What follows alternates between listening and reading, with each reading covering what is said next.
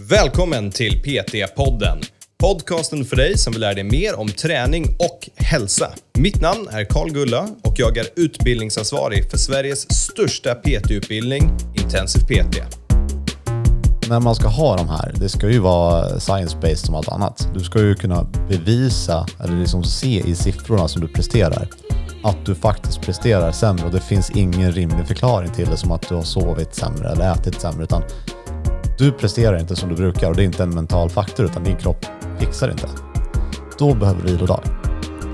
Välkomna till PT-podden. Idag ska vi prata om vanliga frågor som personliga tränare får av sina klienter. Och jag vet, jag vet, du, du kanske jobbar som PT och tänker att jag har svaret på allt det här. Men vi ska inte bara ge svaren, vi ska också förklara varför vi kommer med de här svaren och vad tankarna är bakom. Så antingen kan du se om du tänker likadant som oss eller om du tänker annorlunda från oss och se om du har rätt eller fel eller kan motivera vad du säger eller vad vi säger. Eller så får du nu helt enkelt få lite förberedelse för när du har klienter och de ställer de här frågorna till dig. Så vi kör igång direkt. Varsågoda.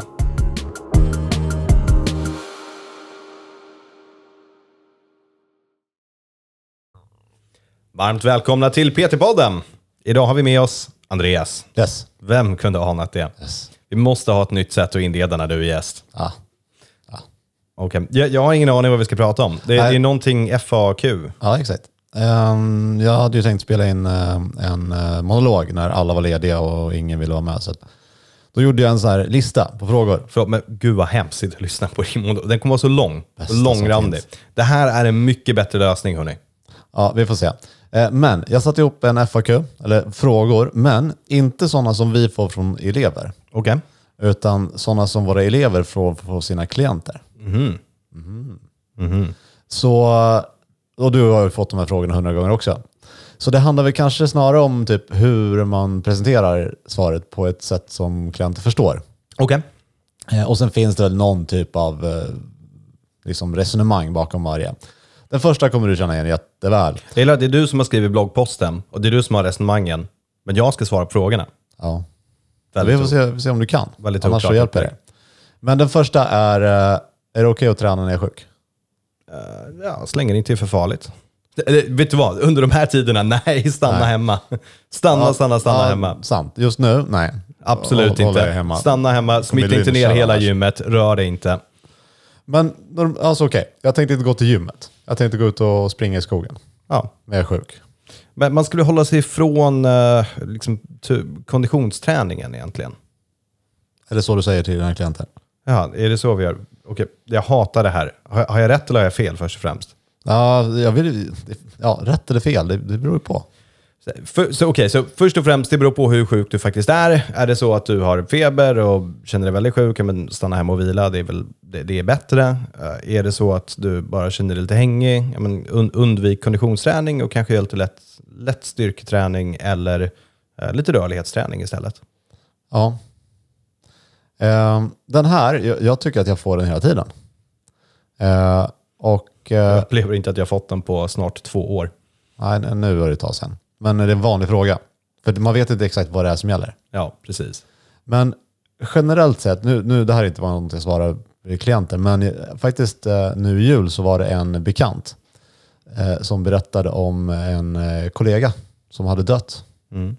Eh, och de härledde det här då till att han hade tränat eh, när han var sjuk. Sjukt. Ja, han var 35. Detta är ju dock väldigt unikt. Ja, fast det, det händer. Inte ofta. Det, händer. Och vad, liksom, vad är den potentiella uppsidan? Är att du får ett förmodligen ganska kast träningspass. Ja, precis. Det, det finns ingen större poäng med att göra det. Och det, det är min poäng med det här. För vad är din potentiella risk? Och det är ju att du blir jättesjuk, att du dör. Visst, det är låg risk, men det är en risk. Men potentiella uppsidan, det finns ju inget jätte liksom, fantastiskt. Det är inte så att det här passet kommer ge mig massa och jag kommer utvecklas massa. Nej. Förmodligen är det någon typ av, okej, jag vill inte tappa för mycket, men du kommer inte få något positivt från passet, utan du kanske kommer bromsa liksom, din decline. Ja, det, det, ja, precis. Och det är väl inte så jättebra för återhämtningen kanske att göra det. Då är det bättre att stanna hemma och ta den timmen och laga någon riktigt hälsosam mat istället för att bara äta de där chipsen när du är sjuk och glass. Ja. Så jag säger rakt av nej klienter. Ja. För de är inte atlet, elit, elitatleter på något sätt. Och även de som är elit ska nog ta det lite lugnare. Ja, okej, jag, jag ändrar mitt svar. Jag vill inte att någon ska dö. Ni, ni får inte träna när ni är sjuka. Nej. Punkt. Bra huvudregel. Och så kan man förklara det som att om du inte Annars kan kommer du dö. överbelasta så kommer inte träningen ge någonting. Så det är helt Mm. meningslöst. Du ska ta ett halvkastpass. Det är bättre att du har kvalitet, att du har tre pass med kvalitet än fem pass med, med låg kvalitet. Absolut. Så att nej, du får inte träna när du är sjuk. Jag tycker inte om det här upplägget näst, längre. Ge, ge mig nästa Jag tog fråga. fel på första frågan. Fel skulle jag inte Ja, säga. det kommer jag ha fel mer. Eh, nästa är lite svårare. Okej. För att träna när jag är skadad. Det, det beror på väldigt, väldigt mycket vad du, vad du är skadad. på. Ja. Den beror väldigt mycket på. Den, den Ja. kan man inte ge ett ja eller nej på. Ska man, Nej. ge, ska man ge ett generellt... Nej, det går inte att ge ett generellt ja eller nej.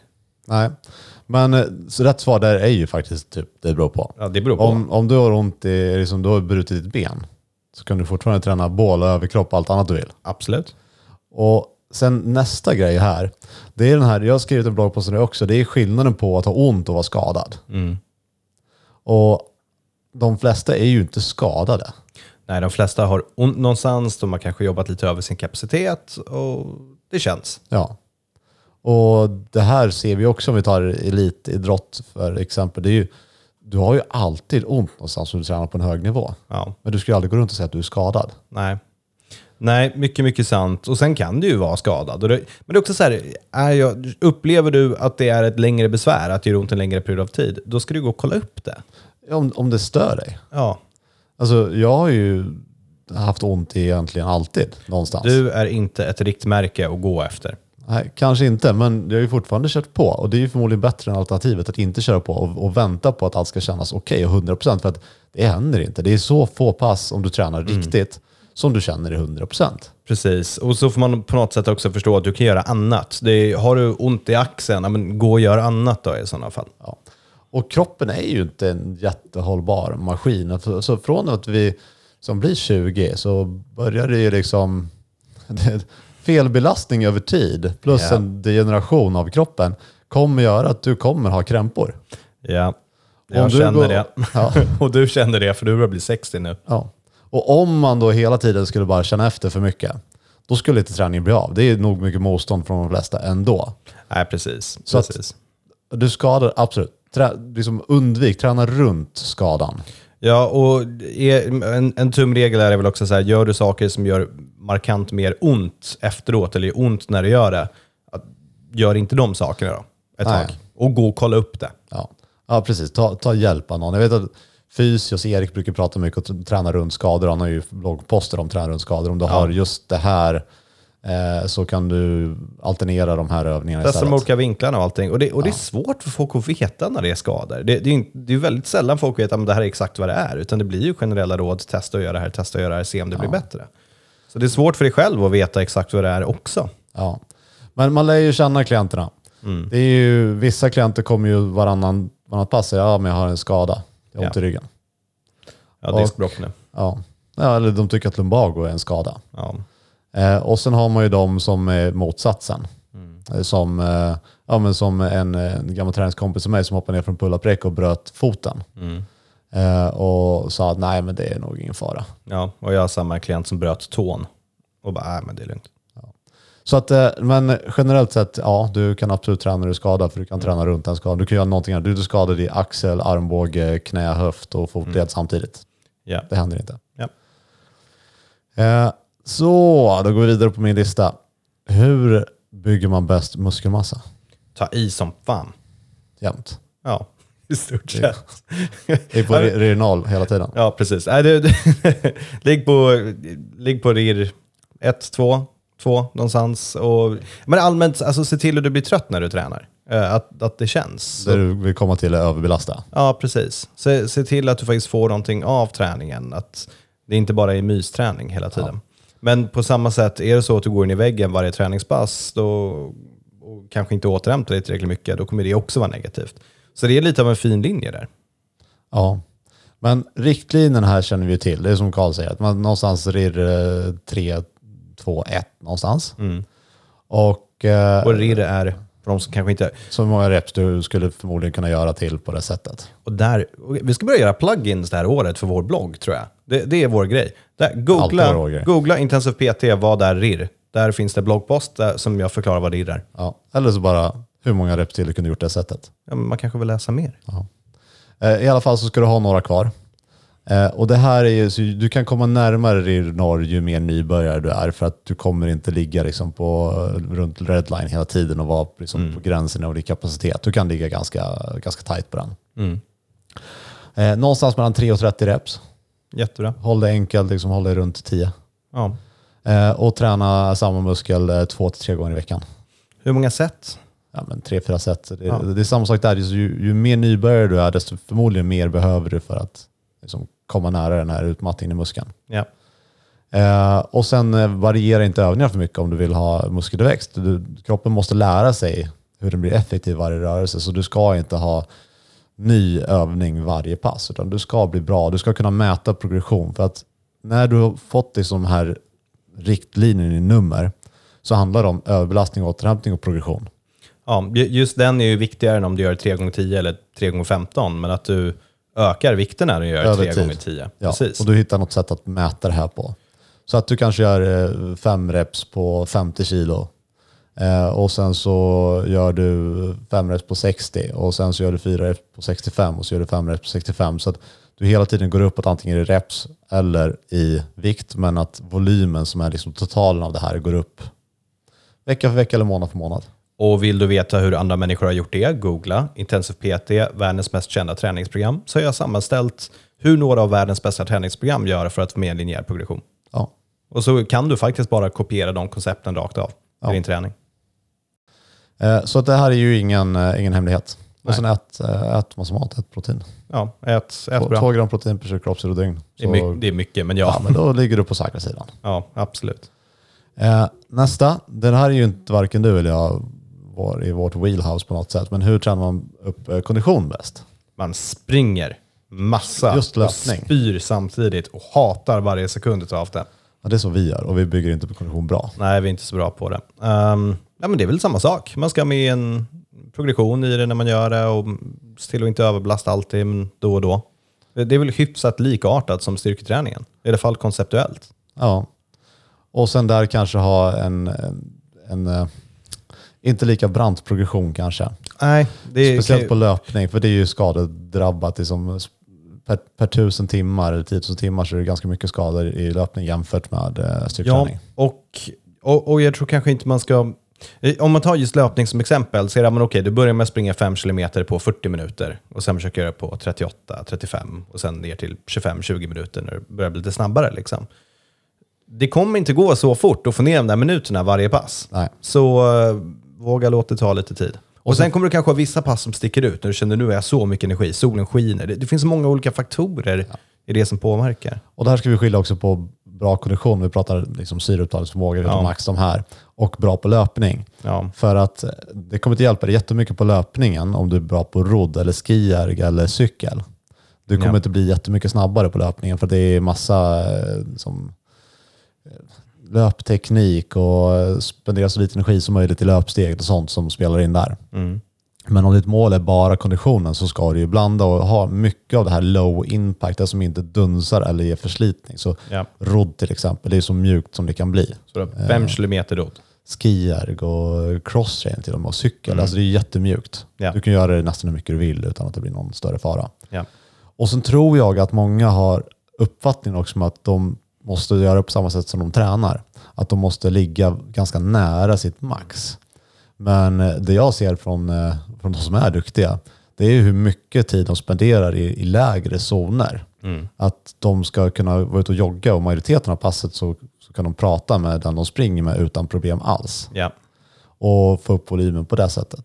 precis. Och jag vill minnas att ett av de första poddavsnitten vi gjorde, Det är kondition med Evaldsson va? ja precis, Så jag vill minnas att det finns, det var ett av de första avsnitten vi gjorde, så jag vågar inte stå för produktionskvaliteten på det avsnittet. Men, Gå inte tillbaka och lyssna på det. men, men om ni verkligen vill veta lite mer så kan ni faktiskt göra det. För det, där pratar lite om de här olika zonerna och hur man kommer åt dem och vad för fördelar det finns att vara i de olika. Det här är ju bara massa plugins. Det, det enda vår podd kommer Ja, vara du det, på andra avsnitt. plugins andra.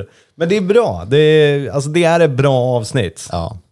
Och ja, precis. Är man intresserad annars räcker det nog det här gott. Och jag tror att det är typ avsnitt sju. Ja, kan stämma. Eh, så, eh, måste man stretcha? Nej. Om du behöver öka din rörlighet för träningen eller för att du har problem, då kan det vara bra att göra det. Men är det så att du har bra rörlighet eller att det inte påverkar dig på något sätt, så behöver du inte stretcha. Nej. Och det är vanligare att folk tror att det kommer lindra träningsverken. Ja, det finns ju inte jättemycket evidens för. Nej, precis. Det finns studier som visar att det minskar, men de anser inte att det är signifikant. Nej. Eh, men alltså om, om man säger det till klienterna så, så kanske de faktiskt gör det. Det är Ja, väl någorlunda compliance. Eh, men man säger att efter passet, för att, om det här är en generell fråga, måste man stretcha? Så är svaret nej. ja. Du måste inte om du har bra liksom, rörlighet, om du är till och med överrörlig kanske så är det ju jättedumt att hålla på och spendera Mm. tid på det. Men om det här är en fråga som kommer från snittklienten så är ju svaret 99% av tiden, ja, ja du, du, du, behöver stel som göra ett. Ja, precis. Så du att, behöver göra någon sorts rörlighetsträning. ja, Men det, det är väl lite det man får fundera på. Måste alla stretcha? Nej, det måste inte alla göra. Men om vi formulerar om det till måste jag stretcha? Då kan det vara ja eller nej. ja, precis. Och sen är det väl kanske, och även där så kanske man ska gå ifrån det här gamla, jag har gjort ett träningspass, nu tar jag 20 sekunder till varje muskel och stretchar igenom hela kroppen. Utan försök kanske att på det som du fokusera. behöver. Ja, precis. Ja. Och lägg ner lite mer tid på det istället. Ja. Sen är det väl generellt så att de som är stela är stela och de som är rörliga är rörliga. Och det är inte så här, jag har jättebra rörlighet i överkroppen men mina ben är stela. Nej, Det är oftast inte så eh, fallet. Så att, Nej precis. men Men det det, som är prio. ja, exakt. Utifrån träningsmål och om det sätter någon sorts begränsning till exempel. Ja. Eh, nästa. Hur ofta ska man ha vilodagar? Det, jag vet inte ens vad jag ska svara på den, för det är också det beror på, vilket är ett ganska tråkigt svar. Ja. Hur, men ta ditt resonemang då. Ja, men det, det beror på vad du har för mål. Det beror på hur du periodiserar din träning. Det beror på vad du tränade dagen innan, hur ditt träningsupplägg är. Du kan ju förmodligen köra helkroppspass sju dagar i veckan och du kommer vara hyfsat fine, men då kommer ju återhämtningen lida. Så det, det är ingen större idé att göra det. Och sen så är det också hela den här individens, liksom, hela miljön runt omkring dem. Hur ofta kan de träna? Hur ofta kan de inte träna? Okej. Så det, det där är mitt resonemang kring varför det beror på. Ja. Kommer du komma med en riktlinje? ja, nej, nu? kommer rätt svar. Så, eh, så- lyssna nu. Det, det är på avsnitt två i år och jag funderar på om vi ska lägga ner den här podcasten. Nej, men jag, eh, jag ser det som att du behöver förmodligen inte ha några vilodagar alls. Ja. För det är svaret på de flesta. För att anledningen till att du har en vilodag, det är för att du har liksom, du är vad man kallade för övertränad förut. Uh, unexplained arm performance syndrome. Eh, och det kommer inte dina klienter ha. Nej, det- alltså det- inte. Alltså när vi har tränat som mest så har vi tränat ganska mycket. Ja. Men vi är ganska långt ifrån att ha liksom, tränat så mycket att det blir kostnad på resultat dagen efter. Ja, det, det är väl mer att det, tiden räcker inte till eh, liksom att träna varje dag. Ja. Eh, el- eller att det, det är mer av en mental utmattning Ja. men, eh, med ren, eh, jämfört med att det är rent fysiologiskt. Ja. Eh, Så att när man ska ha de här, det ska ju vara science-based som allt annat. Du ska ju kunna bevisa, eller liksom se i siffrorna som du presterar, att du faktiskt presterar sämre och det finns ingen rimlig förklaring till det som att du har sovit sämre eller ätit sämre. Utan du presterar inte som du brukar och det är inte en mental faktor utan din kropp fixar inte. Ja. Då behöver du vilodag. Men eh, teoretiskt sett, så som du och jag och alla andra tränar, så måste man inte ha en vilodag. Du kan träna sju dagar i veckan. Och, och här finns det någon sorts eh, begränsning mellan måste jag ha en vilodag och bör jag ha en vilodag? Ja. För det, det kan ju också vara så om man tänker långsiktigt, någon säger ja men super, då tränar jag sju dagar i veckan nu. Aldrig tränat förut. Det är ju inte rimligt. De sätter ju upp sig själva för failure. Det, Ja. det kommer, de kommer ju inte göra det. Så det, det finns ju lite vett i det här. Men förmodligen hade de kunnat göra det. Och det finns ju också liksom andra aspekter också det. De här allt eller inget-människorna som det tar en evighet för dem att komma igång, men så är de rätt duktiga när de kör. Om man tvingar dem att vila lördag, söndag, det kan ju mycket väl få dem ur fas. Ja. Att de känner att nej, nu, nu tränar jag inte längre. Nu, har det jag kört. det. Ja. Och så skippar de det. Mm. Men, det ja, men det man tar med sig från den här i alla fall, det är att där överträning, det är inte någonting som är ett problem för, för din klient. Mm. Eller för dig. Eh, så att du behöver inte, du måste inte lägga in de här vilodagarna. Du kan absolut göra det. Och du skulle hur lätt som helst kunna träna som varannan dag och ha varannan dag vilodag och få jättebra resultat av det också. Mm. Eh, Så det har, igen som du var inne på, att du kan lägga det baserat på vad du har för upplägg med klienten. Men svaret på frågan egentligen är att du behöver förmodligen ha dem. Nej, och man kan ju göra annat. Det kan ju vara, men jag känner mig, ja, jag har ingen mental energi att gå in nu och göra mina tunga biceps curls. Gå och spring. Ja. Gör din stretching i en timme. Gör, gör någonting annat. Ja, och det, det här är någonting som jag har mycket med mina klienter. Jag har typ programmerat in att de ska gå och spela tennis. Mm. Det Det är någon- så kul. Ja, något som de inte är vana vid att göra, för då kommer de röra sig massa och de kommer få sin konditionsträning och de kommer inte ens tänka på det. Ja, Så att det finns massa annat man kan göra istället. Absolut. Eh, där är slutet på de här eh, vanliga frågorna, men sen har vi några av de här också som när det kommer frågor eller komplikationer som eh, du inte känner att du kan behärska. Och det, det är den här frågan bygger på. När ska man som PT skicka vidare? Vad har du för tankar där? Ja, det brukar ju vara skaderelaterat när det här uppstår. Och då är det, har någonting varit ett problem en längre period av tid, då det helt enkelt att du känner det här grejer inte jag. Eller jag, är och det behöver inte ens vara det här grejer inte jag. Det kan mycket väl vara det här vill inte jag jobba med, det här har inte jag tid för. Som PT behöver du inte jobba med, och, eller du ska inte jobba med att ställa en diagnos, så du, du behöver inte göra det. Då är det bara att referera vidare. Och, Och det- en bra det- person att göra det med. Alltså det här behöver inte vara att skicka vidare, det var bara att du vill att någon kollar upp det. Ja. Så det är inte så att du inte tar dig an den här personen, utan du, du bara någon får kolla upp det här. Och det är inte heller så att du slutar träna personen då, utan då fokuserar ni på annat. Och sen, den här personen kommer göra så bra sen, för om de har någon som har kollat upp det och de kanske går till en gång i månaden för att få vad det nu är som behövs. Om den personen kommunicerar med dig så får de ju dubbelt upp, för du kan anpassa träningen för att hjälpa dem till att rehabiliteringen faktiskt blir av. Eh, och att du stärker det som behöver stärkas. Så det, det är ju, alltså när den situationen uppstår, om du tar tag i det och gör så, då får klienten så otroligt mycket mer värde för pengarna. Ja. Och det är väl den specifikt. Och sen finns det väl de andra, vi har ju något avsnitt där vi pratar om vad är svårt som PT. Och där nämnde vi ju liksom om, om det är ätstörningar, om de är deprimerade och försöker referera vidare då, för att det, det är sånt som du inte grejar. Och det tycker jag också man ska prata om, för att PT-yrket, det är det som är förväntat av oss, det är att jobba med friska, hälsosamma människor. Nu är det inte alltid så, men är det så att du har någon som har en ätstörning, eller är det så att du har någon som har andra bekymmer, det, det är inte förväntat att du ska vara deras psykolog nu. Nej. Och sen finns det ju de här som har mål som inte är i linje med din kompetens. Absolut. Så att någon vill springa maratonlopp. Mm. Det är, jag skulle aldrig få för mig att ta tag i det. Det, Nej, det skulle ta för, för lång tid för mig att sätta mig in i hur det skulle vara. Och jag är inte intresserad av det. Jag tycker inte att det är kul. De skulle komma och säga, nu har jag gjort det här, jag, jaha, Bra jobbat. det var slöseri på tid. nästa grej. Det var bänkare då. Ja. Precis. Åh men- vad vi är töntiga. Men ja, Ja. precis. Nej, men de det, det, ligger vidare. ja, det ligger inte i vårt intresse. Nej. Men det är en ganska bra nisch. För det, löpning är ju väl en av de mest utövade idrotterna. Ja. Eh, Jag känner att du svarade helt okej på den sista frågan så vi kanske ska bryta där när du är Ja. på topp. Ja, det känns som en otroligt bra sak. Ja, vi får se om det blir något avsnitt nästa vecka. Det blir i alla fall ett nytt tema i alla fall. Det, det här var inte kul. Ehm, jag hoppas det hjälpte hörni. Och om ni har några andra vanliga frågor, då är det bara att skicka dem till oss så ska vi bemöta dem. Grymt. Vi tackar för idag. Vi hörs nästa gång. Ha det bra.